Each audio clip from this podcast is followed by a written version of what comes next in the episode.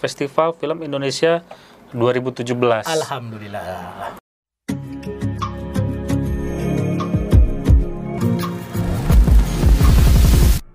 Hey, halo, apa kabar lu semua? Kembali lagi di podcast Speak Speak Santai. Kali ini gue sudah kedatangan seorang drummer bernama Bambi Gusti. Alhamdulillah. Halo Bem. Alhamdulillah. Kabar ya? Baik, baik. Sebenarnya kita ini recording ulang ya, Bem. Dada aja lu. Jadi udah kita udah nge-record, udah nge-record, udah seru banget segala macem. Ternyata hasilnya ngeblur. Mungkin energi gue lagi keluar kali itu. Lagi lagi gitu kan. Jadi ada ya nguap-nguap gitu kali itu. Aduh, oke Bem, oke Bem. Kita kita lanjut lagi nih Bem ya. Iya, Bem, mana Bem? Sore Ben. Sore band sore aja. Sore sore. Band top 40 gue kayak band. Masih aktif. Alhamdulillah kita mau ngeluarin mini album ya akhir tahun. Nama mini albumnya Mefrau. Heeh. Itu kemarin juga ngeluarin beberapa single dan ada rencana akhir tahun bakal konser. Desember ini. Nah, baru rencana baru wacana. Tungguin nih bagi yang ngefans banget sama sore. Dan Mudah-mudahan lancar bisa di bisa dinikmati. dinikmati. Gitu. Iyalah gitu kan. Bem, gue penasaran nih Bem. Hmm.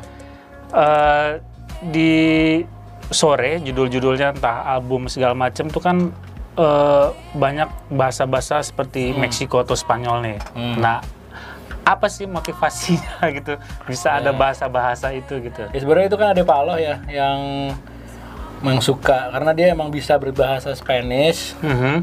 ya, Spanyol gitu kan dia bisa tuh Iya. bisa dan emang dia dulu karena tumbuh remajanya di Los Angeles, Mm-hmm. jadi dia banyak mungkin teman-teman dengan orang-orang Latin. Kalau di Los Angeles memang banyak Orang orang-orang. udah berdasarkan dengan Meksiko bawahnya. Oh, oke oke Jadi oke. banyak orang Latin kan, Ah. banyak orang Mexican di situ dan orang ya namanya Amerika kan pasti melting pot ya ada orang Cuba atau apa.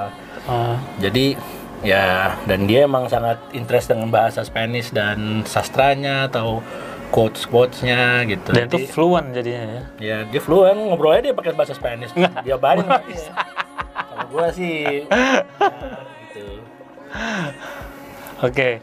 Berarti dari situ ya awal. sih kalau di sore ya makanya kan- itu kan biasanya lagu-lagu dia tuh. Hmm. Dan ide-ide dari dia itu pakai bahasa-bahasa Spanish itu sebenarnya. Nggak, eh, kayak apa? Eh gue pernah dengar. Somos libres itu kan artinya artinya we are free kita bebas terus ada Somos libres siempre solamente Portugal gitu kan itu kan dia tuh terus ada Oye delante apa apa pokoknya lah itu si Ade Paloh itu Ada Palo ya. oh iya Nah, eh, gue kenal sama Bambi ini oh iya udah lama banget waktu pas zamannya masih di Line. iya tuh Kita bikin video klip Hmm. Line. Nah, eh, terus tahun 2002 kalau nggak salah 2002 2003 tuh 2002 itu 2002 ya. iya Tahun-tahun milenium. Cil. iya iya nah, eh, selang berapa tahun lama udah nggak ketemu, gue eh, dengar lu udah di sore. Mm-mm. gitu kan nah setelah itu mulai tuh eh, sore kayak masuk original soundtrack di Iya. musik-musiknya gitu kan musik-musik di original soundtrack itu Iya.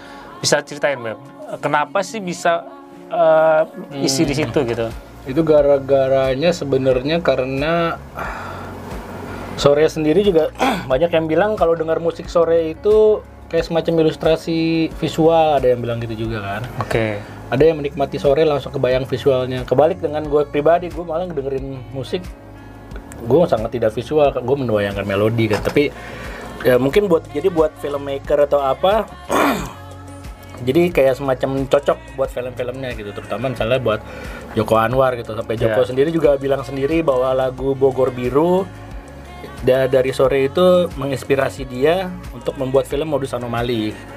Nah, jadi nah gue mau cerita ya tentang ini boleh nih? Boleh boleh boleh. Jadi selain band ya tahun 2004 itu tadi yang band lain sama band lain itu sama Agi. Mhm. Nah, tahun 2004 akhirnya gue membentuk uh, Agi dan gue membentuk suatu pro- produksi rumah produksi musik pro- musik ya tapi nya bernama Rooftop Sound. Ini nih. Ini. Di sini Di nih. gue lagi di sini nih. Gitu tadinya kita bermulai dari musik-musik iklan karena kan gue kalau cuman ngeband doang ya istilahnya income-nya nggak fix lah ya gue Ya. harus punya suatu usaha gitu ya akhirnya kita buat suatu usaha rumah produksi untuk musik iklan tahun 2004 company profile atau iklan tiba-tiba alhamdulillah tahun 2005 Mhm. eh janji Joni saat itu tahun Ya, 2004 ah, ya Janji Joni. tiba-tiba Joko Anwar Joko Anwar kebetulan memang udah temen sih dari lama kan dari, dari masih dia wartawan Jakarta Post menginterview lain. Oh, gitu. Oh iya. Oh dia tuh dulu wartawan. wartawan. Gue kenal sama Joko itu gara-gara dia adalah seorang wartawan Jakarta Post yang menginterview band lain. Gitu. Terus saat itu, Sampailah dia ini saat ya. itu malah bilang juga ke Agi ke gue eh nanti kalau gue punya film bantu-bantu ya. Oh iya. Tahunnya gila filmnya men. Sendiri. Paling salah satu yang hebat kan. Kayaknya filmnya laku semua kayak Joko Anwar. tapi penuh perjuangan maksudnya hebat Iya. lah dia orangnya dengan dan struggle dan kepintarannya Dia dia dulu, oh, dia dulu orang Medan sih? Kan? Orang Medan Iya ya. Hmm. Ya, tapi gue nggak pernah nawarin sih sebenarnya mentang-mentang gue komposernya terus gue tawarin band gue sebenarnya sih nggak juga gitu cuman kebetulan wah, filmmaker itu sutradara itu tahu gue bandnya seperti apa jadi kayak semacam eh gue juga mau dong lagu lu tuh gitu ini, ini gitu Berarti ya kayak ada titik temu antara musik eh, nya, sore dengan film yang ada sih. Karena juga sore eh, buat kita pembuat musiknya juga kayak misalnya untuk Ade Palo dan saat itu Mondo Gascaro juga hmm, dalam membuat satunya kita bagaikan membuat film gitu membuat suatu ilustrasi cerita atau apa dalam membuat musik. Terus udah gitu tadi apa tadi? Eh, eh, oh janji Joni kan Ya. saat itu sore berkontribusi eh, lagu ya atau soundtrack bisa disebutnya ya Hmm. kalau buat orang awam tuh disebutnya soundtrack kan Van der Hall Van der masuk Hall. ke situ nah gara-gara kontribusi di situ kita kenal sama Teteh Nia Dinata Oke. tiba-tiba tahun 2005 juga Tehnia menawarkan kepada uh, Rooftop Sound ini Hmm. "Lo mau nggak buat full score full film ya mau lah gile gitu kan dengan baiknya Teteh tuh Tehnia tuh ngasih kesempatan ke kita lo buat film gua ya waduh antara jiper tapi juga seneng banget kan Film apa tuh, Bem? sebagai itu? suami Oh, berbagi suami ini ya apa? Itu sempat ada lagu zaman dulu yang di remake ya, Bem? ya nah itu juga ada sore juga kan Ya. Tuh, kebetulan juga ada dari yang Sama No Fruits for Today, Today. Today, Today Siap. masuk situ terus juga Iya. Terus juga eh, ya kita pengen kontribusi lagu cover lah, yaitu adalah pergi tanpa pesan, sebenarnya kan lagu lama. Iya, gitu. iya. Ya udah. Alhamdulillah setelah kita buat pergi apa scoringnya gua Agi saat itu dibantu juga Mondo Gascaro kan. Iya. Teteh suka banget dan rilis ya kita sukses sampai kita menang Festival Film Jakarta untuk eh, Best Music Director ya, Best Musiknya gitu. Nah, eh, sore itu recordingnya diproduksi awalnya Saksara Records. masa record ya? Ya tahun dua pertama itu sore itu kiprahnya it- itu tahun 2003an 2004 pertama kita sebenarnya nih kalau gue boleh cerita sore itu band alter egonya gue Oh iya. Gitu. Jadi kan gue sebenarnya awalnya itu kan berkarir band ngeband itu sama Agina Rotama partner komposer gue gitu. Ah, ah. dari SMP itu band metal kan aslinya. Ya, karena Bambi ini memang dari dulu bandnya band metal, Metallica, Ya, Iron Ma- pokoknya Big Four Maiden, lah ya Iron Maiden. Megadeth. Megadeth, Sepultura kayak gitu kan, gue sama Agina Rotama tuh terus Cuman bandnya nggak ada yang band-band kayak gitu, cuy. Gitu. ada The Miskins gue bantuin tapi punk sih punk rock. Gitu nah udah setelah ngeband ngeband ngeband terus udah gitu sempat juga mau major label tahunnya tadinya mau major label cuman Eh. ya biasa zaman itu kan belum ada kesempatan jadi pokoknya eh, kesempatan ditolak lebih gede akhirnya ditolak kan. Akhirnya makanya kenapa gue dan Agi buat lain ini bersama Zika Seli Manfata sama Ari Gusti kakak gue gitu kan kita rekaman di Seattle rilis di sana. Tapi saat itu juga kayaknya mau rilis di sini ya kan? Video kita lo yang buat kan teman-teman tuh. Iya. dengan komputer RAM-nya cuman 128 Sudah- udah megabyte bukan bukannya bukannya bukannya gigabyte tapi megabyte. Udah berani-beraninya bikin video klip tuh saat itu iya saat gitu. itu soalnya video klip kan waduh kalau buat video klip kayaknya eksklusif banget kan ya saat Iya. itu ya. Dan saat itu eh, MTV ya, Global TV Iya ya, saat itu alhamdulillah MTV Indonesia mau mensupport band-band apa pun itu jadi nggak Iya. nggak nggak nggak major label pokoknya apa pun itu kalau punya karya punya video dia bakal tayangin Iya. dan akan disandingkan secara sama wah itu sangat saat itu hebat tuh saat itu kan juga lain menang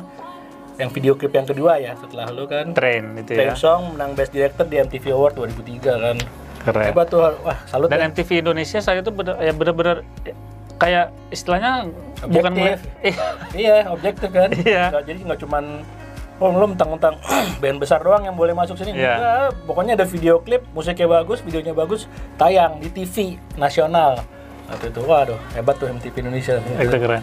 Nah, balik lagi ke eh, oh aksara. iya tadi sorry ya sorry ya tadi ya Ah, Udah gitu nah iya tadi kan yang gue bilang sorry itu sebenarnya kan band alter gue ya karena gue memainkan musik keras sampai lain pun juga walaupun nggak sekeras dulu karena ada, ada kayak Radiohead gitu tapi tetap keras lah rock gitu Hmm. Iya. Nah, Nah, kebetulan gue ber- ber- bersahabat juga dengan Awan Garnida nih.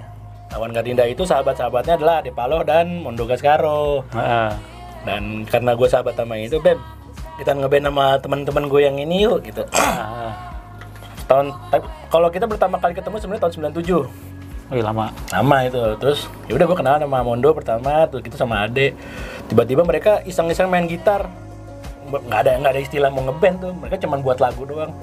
Buat opini gue lagunya tuh, waduh, ini lagu gue nggak pernah orang Indonesia buat lagu seperti itu. Saat itu lagunya adalah Carolina dan What Fruits for Today.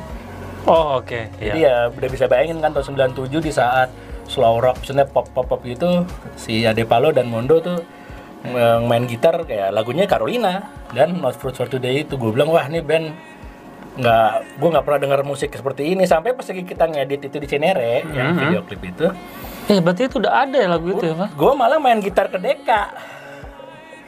When I love you and you love me gitu. Si Deka sampai Bem tuh lagu apaan Bem keren banget gitu gitu. Udah lagu temen gue nih gitu. Oh iya ya udah. Nah, saat itu makanya gue bilang tadi sorry tadi band alter ego gue band career lagu-lagu lagu-lagu bukan mellow ya lagu-lagu Iya.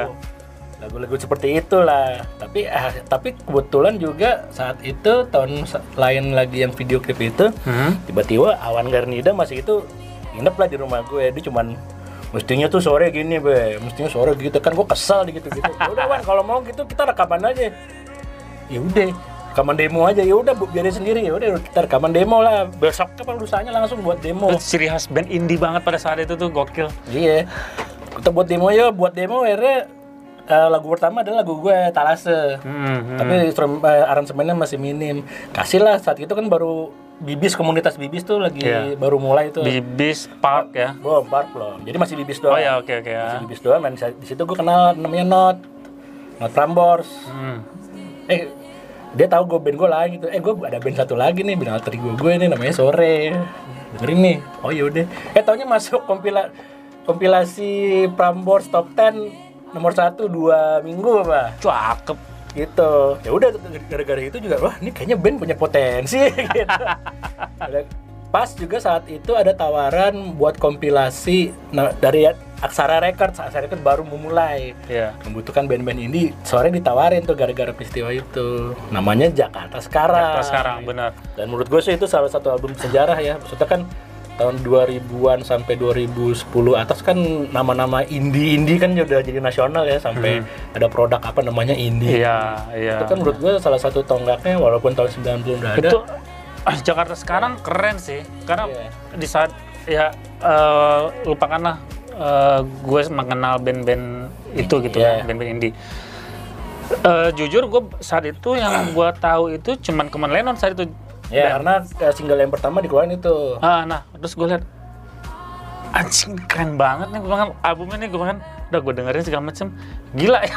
Iya di situ ada isi lagu-lagunya enak banget anjir. Ada seringai ya kan? Iya. ada, ada upstairs, Upstairs. ada sore ada ada berandal iya eh, itu apa? gitu kok kayak semacam band-band yang sekarang udah di event-event kan?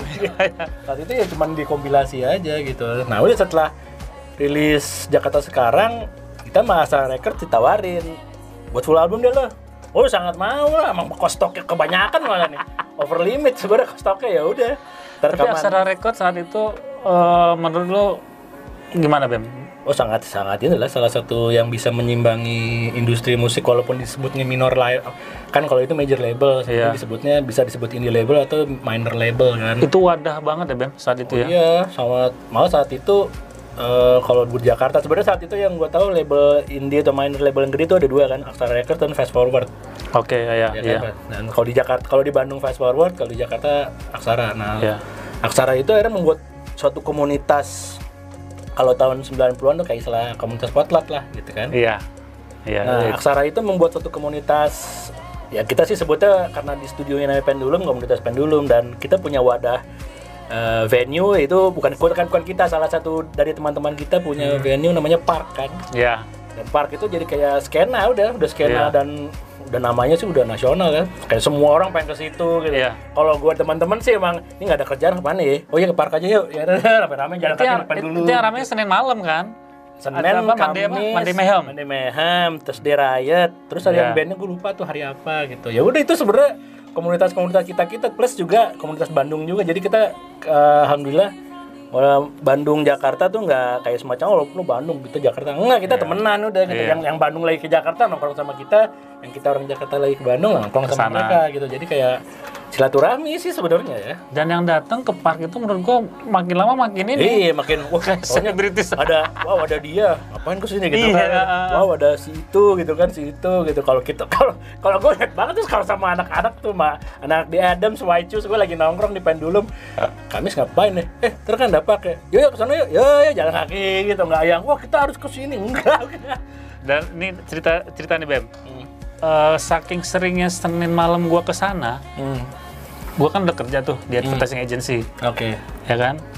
Pulang jam tiga setengah 4 pagi. Hmm. Ke kantor sore dong, jam 2 biasanya tuh. Iya.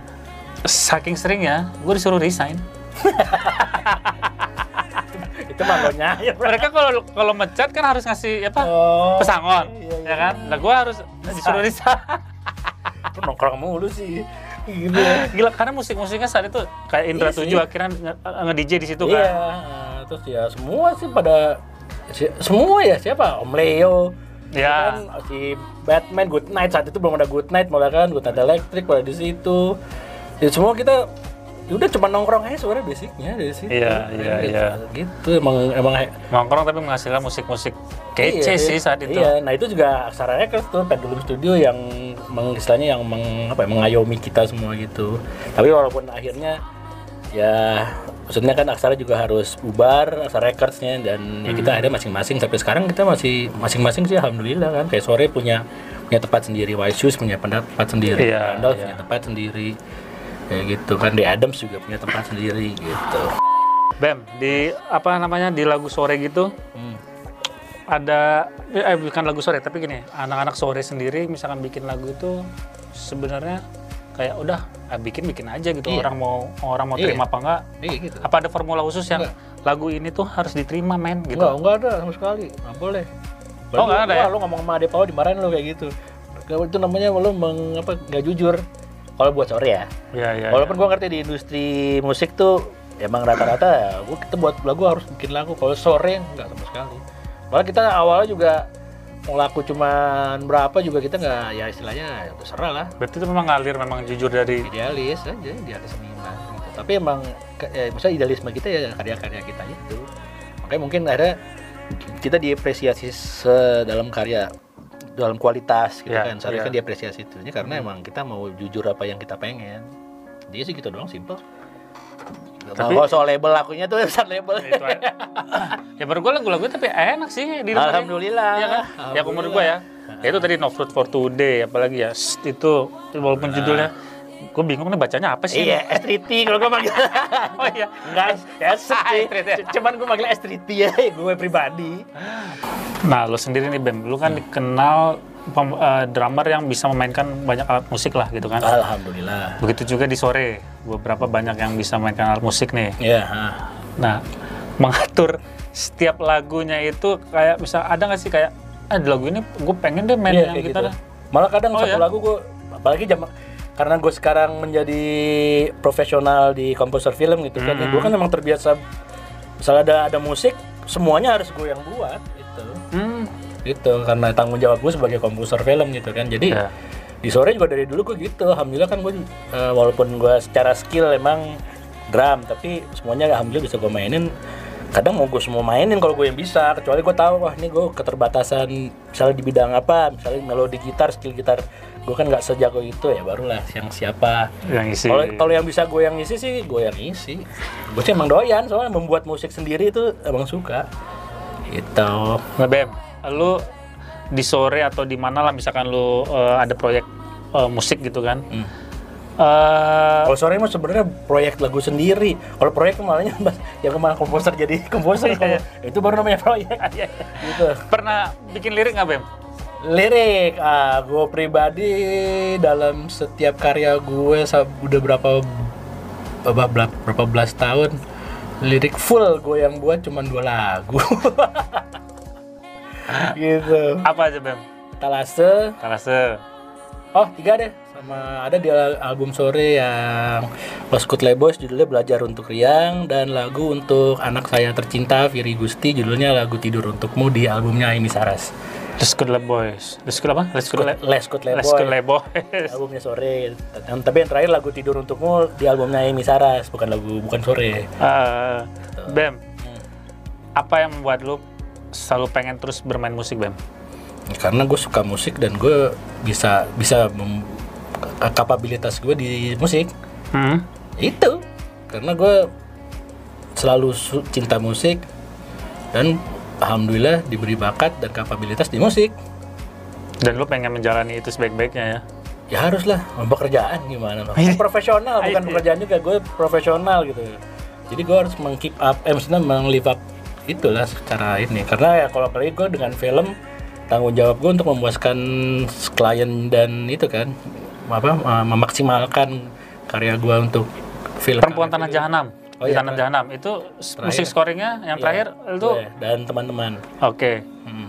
Berarti itu tuh tadi terus apa Gundala. Gundala. Itu kemarin. berawal dari berawal dari berbagi suami 2006 kan terus ada apa lagi ya ya banyak udah gue alhamdulillah sampai sekarang udah 70-an film ya sama Agi Hmm, hmm. ya udah terakhir itu perempuan tanah jahanam Gundala orang kaya baru gue juga pernah buat musikal tahun 2010 namanya On Rock musikal Hmm, hmm. pernah juga jadi musik direkturnya Slang Orkestra tahun 2012 Selain Orkestra itu yang di eh, G- 2012. GBK ya? Apa bukan nih? di Pacific Place saat itu Oh ya oke ah. terus ya gitu Film horor kan lu dapet inspirasi dari mana sih Bang? Film horor kan scoringnya tuh yang kadang-kadang bukan jump scare ya, tapi kan musiknya tuh yang kayak ngebawa orang ke dalam scene itu banget gitu. Ya, Dan itu ya. yang bikin merinding segala macam itu kan. yang pasti sih setiap komposer film harus belajar dan harus punya referensi yang banyak ya jadi walaupun dia sebenarnya spesialisasinya ada misalnya dia membuat musik tipe seperti ini kayak misalnya gue Ah. gue gue tipenya tuh model sebenarnya agak romantis kalau di scoring gitu kan agak romantis dan melodius gitu. Terus ya tapi ada misalnya Agi gitu Agi Narutama Agi Narutama gue tahu pokoknya style spesialisasinya dia, dia tuh begini gitu. Tapi sebagai komposer film karena lo bekerja untuk klien lo harus bisa semua musik lah. Dan harus referensi lo harus semua itu semua banyak gitu. Nah terutama untuk Joko Anwar, Joko Anwar yang paling beda sendiri nih. Dia tuh selalu meminta sesuatu yang beda, yang out of the box dari film sebelumnya. Mm-mm, mm-mm.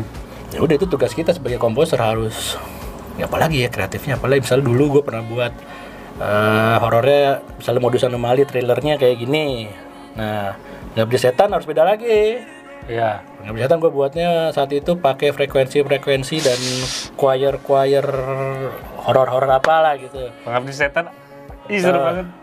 Dan itu setelah kelar ya alhamdulillah kan gue juga dapat citra kan sama Agi sama Tony juga kan Ini ya. iya Nih, alhamdulillah teman-teman.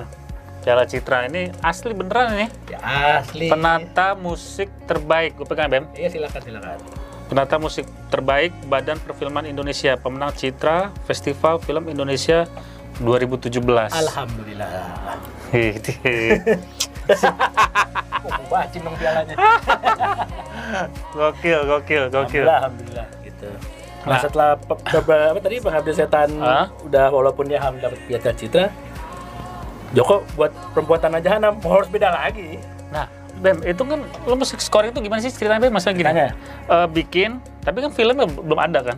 Pertama itu Cuplikannya gitu. Biasanya eh, treatment orang beda-beda ya. Tapi kalau sama standarnya itu kita dikasih skrip pertama-tama. Hmm. Jadi si komposer harus lihat skripnya, ceritanya gimana, feelnya gimana. Nanti kan kita punya gambaran kan musik itu ya kita sebagai komposer pasti punya di otak tuh langsung kebayang misalnya adegan gini udah kebayang tuh di otak tuh nadanya begini style musiknya begini Oh iya. gitu bos baca skrip setelah Jago-jago. selesai pokoknya baca skrip ya udah kita nunggu gambar pasti Hmm. ada juga yang datang ke set untuk setiap orang beda-beda sih setiap orang kan punya cara kerja yang beda. Kalau kalau gue pribadi sih nggak usah ke set ya nggak apa-apa. Cuman gue nunggu ga- gambarnya udah pick lock aja deh. Oh iya. Nah, udah pick lock baru tuh tadi yang dibaca di skrip kan langsung kebayang ini ini. Tapi juga standarnya industri itu even di Hollywood juga untuk menjembatani kemauan produser sutradara dan komposer adalah referensi. Karena persepsi orang itu beda-beda kan. Mhm. yang seperti kayak lo lagu sedih buat lo ini buat gue belum tentu itu ya, maksudnya, Iya. oke tapi buat gue lagu sedih ini loh terus kalau dengerin lagi oh oke Eh, tapi dalam hati lo gue lebih suka yang ini sih gitu kan Ya toh ini nggak sedih Iya biasa. gitu kan, gitu kan. Iya, Jadi, iya. nah untuk menjembatani itu namanya referensi atau bahasa Inggrisnya temp files. Itu John Williams pun juga pakai gitu. Mungkin nggak Bem dari diri lu sendiri merevisi musiknya dalam artian gini. Bisa, jadi karena maksud lo punya gue punya sarannya gini, maksud lo gitu. Nah jadi misal lu udah, udah bikin nih dengan skrip yang yang yang udah di, lu baca segala macam. Ternyata gitu pas ada yang udah jadi nih gitu filmnya lu lihat, Beda. wah ini kayaknya kurang Oh, sering. sering Makanya jangan buat dulu kalau bisa. merevisi sendiri.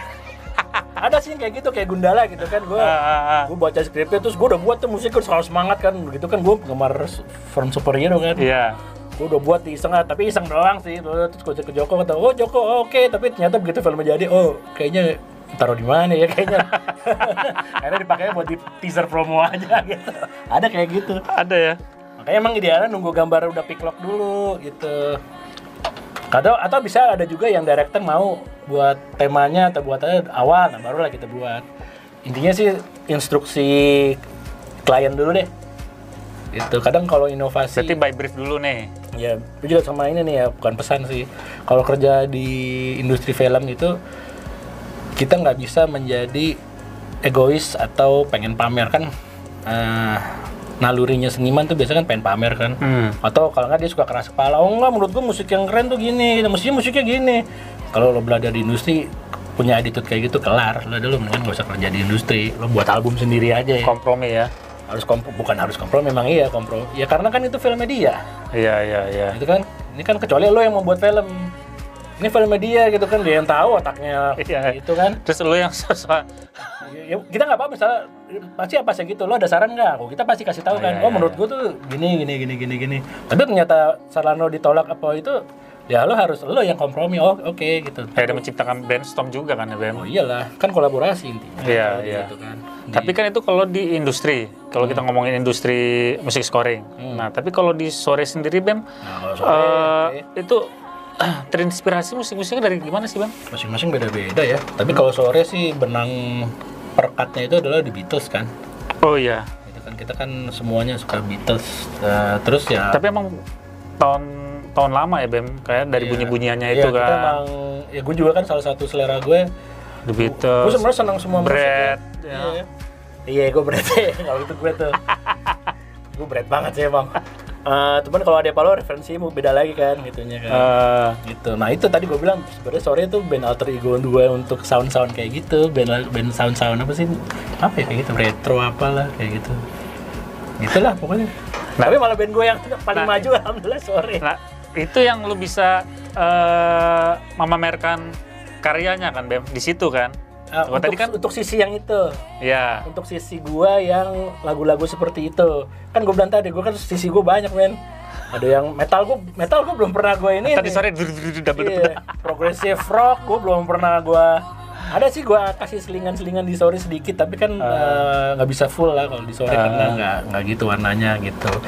Jadi salah satu salah satu warna eh, istilahnya kalau misalnya nih musiknya Bambi gitu yaitu seperempat atau seperdelapannya nih di sore gitu Nah untuk konsep albumnya sendiri Bem, itu kan sering kayak apa karikatur-karikatur gitu Oh, ya, iya. ilustrasi ya. Itu eh, ada prosesnya gimana Bem dari kalau dari personelnya sendiri atau memang ada orang yang biasanya sih kalau gue pribadi nggak terlalu involved di bidang desain atau apa karena gue cuman kapabilitas gue dan hobi gue tuh kan di musik. Nah itu biasanya ada Palo dulu sama Mondo malah kalau ilustrasi musik eh, ilustrasi ilustrasi sore album satu dan banyak album sore itu adalah Mayumi Haryoto. Hmm. Adanya Mondo Baskaro itu Iya. tuh dia yang sangat mengerti eh, dengan musik sore dia ilustrasinya tuh gini pah udah keren banget pas gitu sama Mayumi Haryoto gitu. Dan kalau sekarang sih biasanya ada Palo tuh yang suka mikir dia emang suka gambar kan, suka Ah. buat suka desain gitu. Jadi biasanya dia tuh yang punya visi, oh gambarnya gini, ininya ke sini, ini gini, gini, gini gitu. Sampai ke video klip juga nggak Video klip enggak, Nggak ya? video klip enggak sih beberapa enggak banyak. Kalau video kita menyerahkan kepada sutradara. Karena kita senang orang punya interpretasi sendiri dengan lagu kita. Dengan lagunya ya. Hmm. Oh ya Bem, ini gue baru keinget nih. Temen gue ada yang eh, dia pernah cerita ke gue. Temen gue itu sangat ngerti banget lah sore. Maksudnya gue ngerti tuh ceritanya segala macem Gitu bla ya? bla bla gitu gitu. Namanya namanya Pandu nih. Du, lu kalau dengar nih. dia dia kan ilustrasinya kalau menurut gue bagus ya. Oh iya, iya oke oke. Nah, dia pengen se- sebenarnya dari dulu dia ngomong, "Ja, sebenarnya tuh gue pengen ngebikinin mereka ilustrasi," katanya. Atau buat aja di Instagram. Kita pasti kita pasti respon sih nggak mungkin. Tuh, lu gue bilang apa? di Instagramnya sore kita lihat deh kalau misalnya masuk ke Instagramnya sore itu ada desain-desain dari teman-teman dari apa kerabat maksudnya ya teman-teman yang antusias tiba-tiba mereka buat desain sendiri kita sih alhamdulillah sangat sangat ini sangat apa namanya sangat apresiatif ya gitu Kita di zaman dulu kan album itu sangat oh iya luar biasa banget kan Ben perasaannya iya. gitu. zaman 80 sampai 90 itu kan yang kita harus masuk ke major label ya harus masuk label Iya. Dan punya album tuh kayaknya wah Oh gitu. iya, karena di karena itu kayak lo ngelamar kerja ke perusahaan besar gitu kan, tapi satu band gitu kan. Iya. Kalau tahun 90-an gitu tuh kan. Jadi harapan lo masuk ke al- album eh, pokoknya label-label besar itulah. Eh, Kalau nggak bisa masuk ya lo punya cuman punya komunitas aja sih paling ya. Tapi ada kan kayak saat itu Pure Saturday gitu kan juga episode Day pas pas band ya. pas gitu kan. Iya, iya, iya. Open kayak gitu kan. Tapi ya nggak seperti kalau major label tuh lo semua dibiayain semua kan kalau di dapat itu emang biaya sendiri atau apa gitu. Tahun 2000-an tuh udah mulai tuh, udah mulai agak sedikit banyak mini apa? eh, minor label kan atau indie Iya. label itu. Jadi lo tetap masuk ke label, mereka yang biayain tapi ya skala produksinya nggak seperti major. Tapi ya bisa menjadi sesuatu juga ya kayak sore kayak white shoes Tapi kan kalau sekarang kayaknya sekarang sih Album? lu, iya. Lu kalau misalnya masuk label besar alhamdulillah. Cuman lo bisa rilis sendiri secara digital. Iya. ya kan? Jadi ya sebenarnya udah gitu lo media untuk belajar YouTube mau cara buat boom juga katanya ada kan lo belajar di situ gitu. Arti arti sebuah album itu kalau untuk musisi zaman sekarang apa ya, Bang? arti album adalah Apa hanya sebagai kolektor item bagi para pen- maksudnya, fansnya? maksudnya album CD gitu Iya. oh iya sih yang gua rasain sih Ke sekarang tuh orang pada berpindah kayak ke vinyl ya, Bam ya? Iya, karena sekarang jadi merchandise sih feel-nya itu ya. Kalau Hmm. karena orang dengerin musik tuh emang udah digital, udah streaming kan, bukan Iya. digital doang, malah sekarang Iya, streaming banyak gitu platform. kan. YouTube, eh, Spotify, Deezer, lalalala gitu kan. Tapi kalau jadinya album itu sih yang gue rasain menurut gue adalah kalau mendapatkan merchandise atau item aja gitu, bukannya emang lo pengen dengerin musiknya di situ. Zaman sekarang gue gue pribadi udah nggak punya CD player, Iya ya. gue punya malah vinyl emang. Ah, tuh itu Iya gitu kan? kan.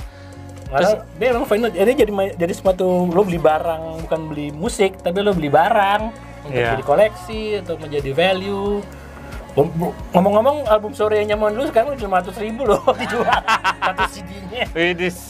Kalau ada yang punya tuh, gue aja nggak punya. Masa gue beli album sendiri cuma ratus ribu men? Ya, sekarang orang banyak yang berpindah ke sana ya, Bam ya? ya karena ya iya sih emang untuk bentuk fisik ya untuk bentuk fisik Hmm. emang lebih baik. Kalau orang mesti ngejar vinyl sih dibanding malah CD gitu ya CD. Ya, s- kalaupun punya CD, menurut gua memang lebih simpel. Kayak orang ya, Ya ada sih tetap CD tetap kayak, Ah. kayak mungkin kita akan ngeluarin CD tapi ya kayak semacam apa ya? Yang ngeluarin aja ya. gitu. Kayak misalkan, misalkan nih naro, misalkan album sore, ah, album sore satu, dua, Iya, tiga gitu kan. gitu aja. Tapi kalau media dengerin tetap si Spotify pokoknya streaming streaming media streaming streaming itu sih. Tetap gue juga dengerinnya sekarang media streaming gitu. Iya, iya, iya. Oke, oke, oke. Apalagi, Bam? Tahu salah.